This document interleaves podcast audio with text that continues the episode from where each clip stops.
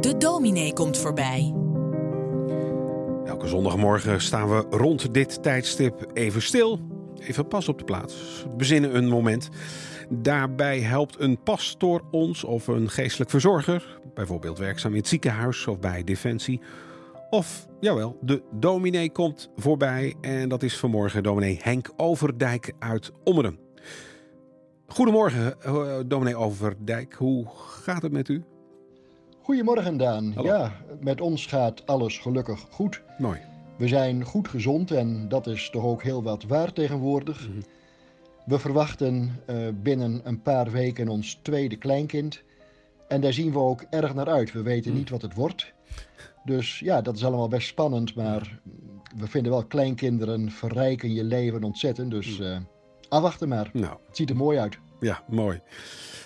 Bij u zijn, eh, neem ik aan, de kerkdeuren ook weer eh, nou ja, hè, volledig geopend. Eh, Hoe is dat voor u? Is dat feestelijk of ja, misschien toch ook nog wel een beetje zorgelijk steeds? Onze kerkdeuren waren natuurlijk al een hele tijd weer geopend, maar Mhm. nu kan het dan met iets minder beperkingen. Ja, dat is fijn. We zijn van het, van het opgeven voor de dienst zijn we verlost. Mensen moesten zich hier op donderdagavond aanmelden voor de dienst. En dat is toch wel een gedoe en dat was voor veel mensen ook wel een drempel. Je vergeet het makkelijk of je wil het op donderdag nog niet beslissen. En dat Mm. is nu klaar. Eh, we hebben wel wat stoelen uit onze kerk weggezet om toch het risico te voorkomen dat mensen heel dicht bij elkaar zitten. En zo hopen we met elkaar toch ook weer ja, de vrijheid een beetje te veroveren en ook weer te durven om samen in de kerk te zitten. En gelukkig blijven onze diensten ook gewoon thuis via het internet te zien en te horen. Dus dat is ook best een heel veilig idee voor mensen die de stap naar de kerk nog niet durven te zetten. Ja, en een mooie service. hè, Ja. U heeft eh, voor vanmorgen weer het een en ander voorbereid. En daar gaan we nu graag naar luisteren. De afgelopen septembermaand gaf prima nazomerweer. Fijn voor de mensen die nu nog met vakantie waren. Ik zag er heel wat door de mooie Betuwe fietsen. Maar natuurlijk ook fijn voor de boeren. Veel mais kon onder optimale omstandigheden van het land. Dat is toch een meevallertje in deze tijd, waarin de stikstofproblematiek als een donkere wolk boven menig boerenbedrijf hangt.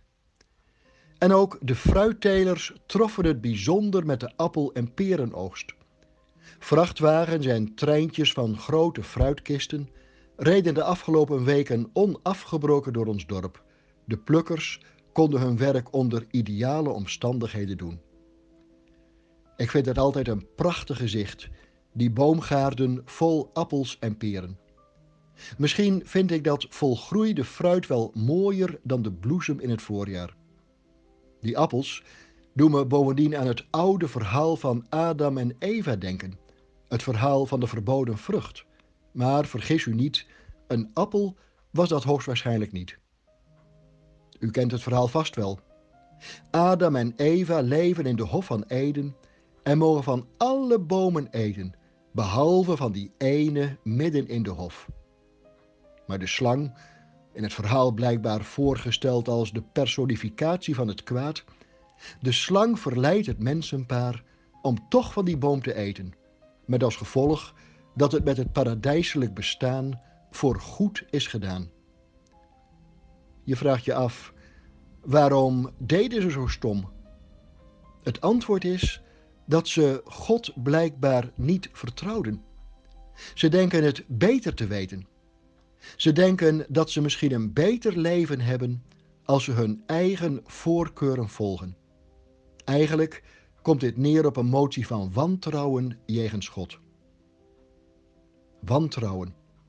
Dat maakt veel kapot. Ik weet wel dat je misschien ook niet te goed van vertrouwen moet zijn. Enige waakzaamheid, enige voorzichtigheid kan geen kwaad. Maar wantrouwen is niet erg lonend.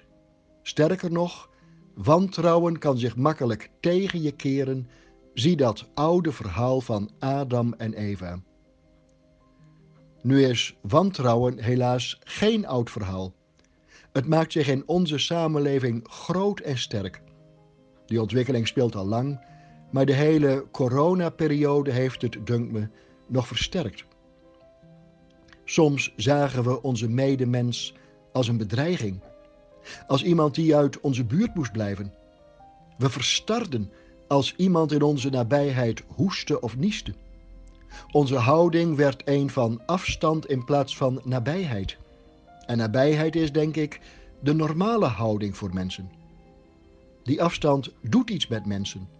En misschien gaat het velen van ons wel heel veel moeite kosten om nu weer terug te keren naar de normale menselijke maat. Eerlijk gezegd schrik ik als ik zie hoe in het coronadebat en in de vaccinatiediscussie mensen tegenover elkaar komen te staan. Ieder in zijn eigen bubbel. Ieder alleen vertrouwend op informatie die aansluit bij wat hij of zij zelf al vindt. Het gesprek wordt zo onmogelijk, omdat mensen elkaar niet meer serieus nemen. En het zijn bruiken, zelfs in hechte verbanden als families en vriendschappen. Ik schrik ervan hoe we als mens blijkbaar een QR-code nodig hebben om geen bedreiging voor de ander te zijn. Geloven is in dit alles geen toverwoord. Ook onder gelovigen wordt over veel zaken heel divers gedacht. Maar een van de elementen van geloven is vertrouwen. Dat is niet het minst belangrijke aspect. En zouden we ons daarin, in vertrouwen, juist in deze tijd soms een beetje moeten oefenen? Wat of het nu in de politiek is, of in de kerk, of gewoon in het menselijk verkeer, met de ruggen naar elkaar toestaan leidt tot niets. We hebben elkaar nodig. Zonder vertrouwen gaat het niet. Elkaar opnieuw vinden is niet alleen een kwestie van maatregelen loslaten, het is veel meer werken aan vertrouwen. En daarbij is het goed te beseffen dat je leeft onder een open hemel. Dat geeft een mens pas echt de ruimte. Ook de ruimte om elkaar te vertrouwen.